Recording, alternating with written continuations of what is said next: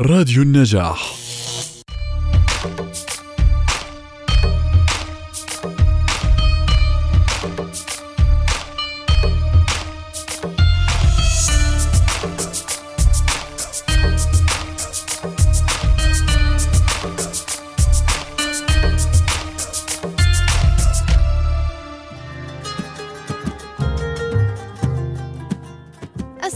عليكم مستمعينا الكرام واهلا وسهلا بكم في حلقة جديدة من برنامجكم رشا الثقافة.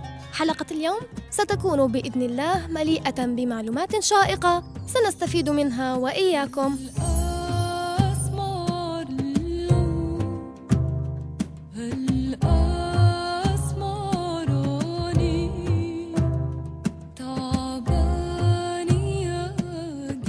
بكم مستمعينا في أول فقرة معنا اليوم.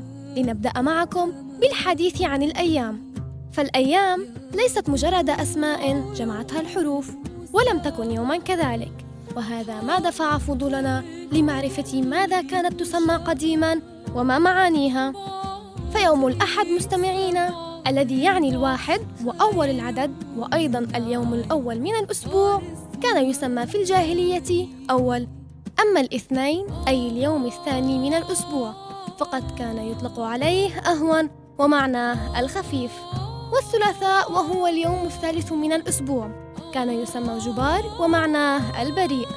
أما الأربعاء وهو اليوم الرابع من الأسبوع فقد كان يسمى ديبار ويقصد به آخر الشيء.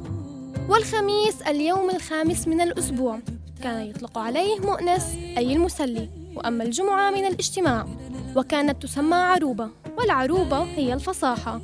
وأخيرا السبت والذي يعني البرهة من الدهر وأيضا الراحة.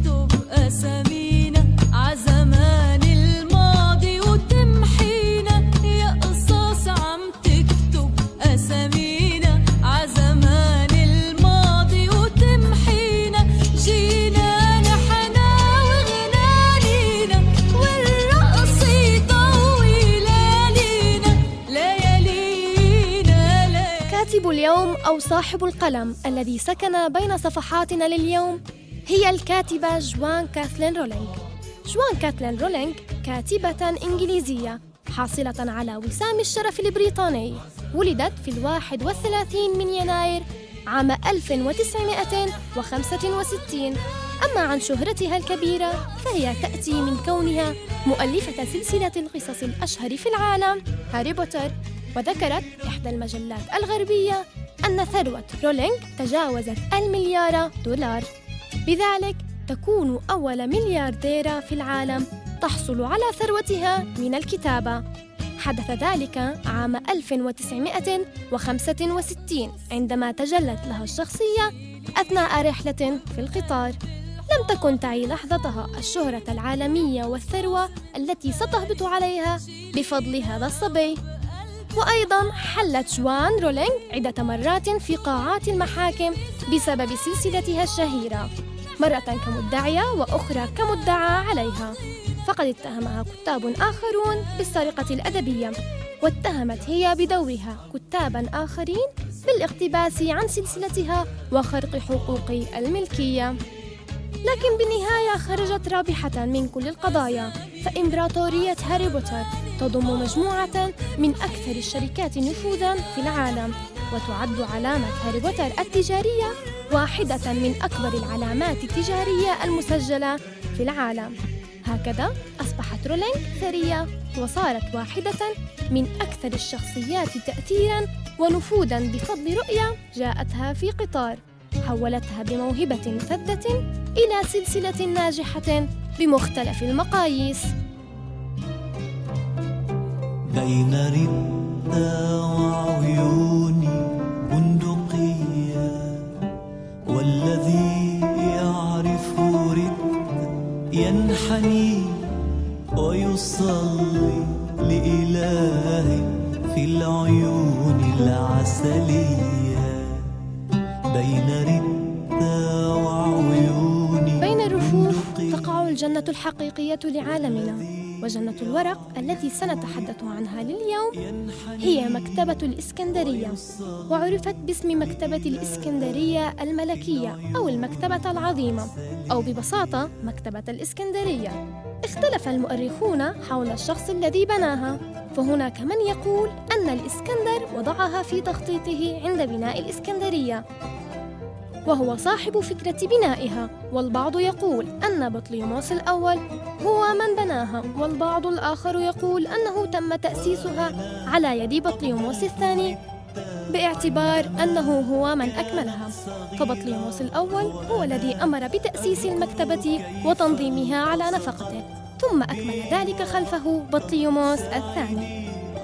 ترجع شهرة مكتبة الإسكندرية القديمة إلى كونها أقدم مكتبة حكومية عامة في العالم القديم وليس لأنها أول مكتبات العالم. فمكتبات المعابد الفرعونية كانت معروفة عند قدماء المصريين ولكنها كانت خاصة بالكهنة فقط. والبطالمة أنفسهم الذين أسسوا مكتبة الإسكندرية كانوا يعرفون المكتبات جيداً كما ترجع عظمتها أيضاً إلى أنها حوت كتب وعلوم الحضارتين الفرعونية والإغريقية وبها حدث المزج العلمي والالتقاء الثقافي الفكري بعلوم الشرق وعلوم الغرب. وفي سنة 2002 وبدعم من منظمة الأمم المتحدة للتربية والتعليم والثقافة تم تدشين مكتبة الإسكندرية الجديدة وتقع كلتا المكتبتين في مدينة الإسكندرية بمصر. وكانت البداية مع إعلان الرئيس السابق مبارك إعلان أسوان عام 1990 لإحياء المكتبة القديمة.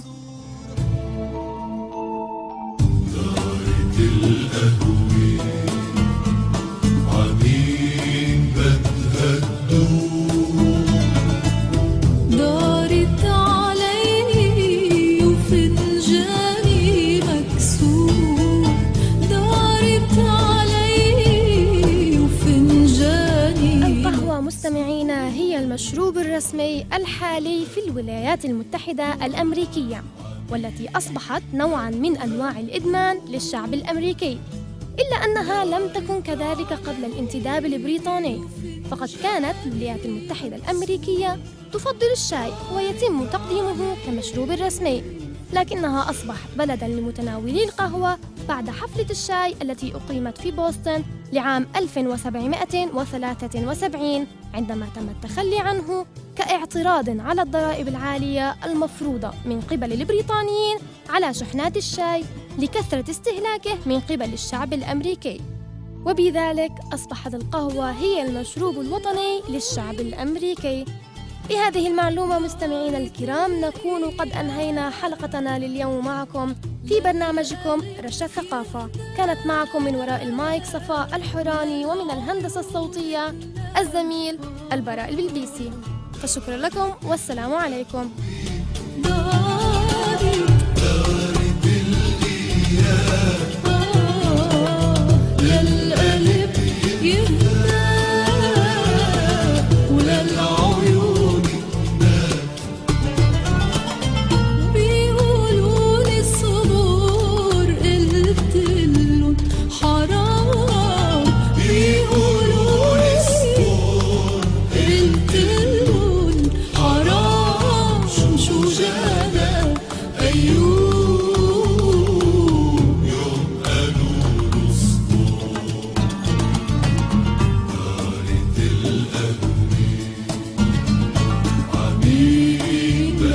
Good.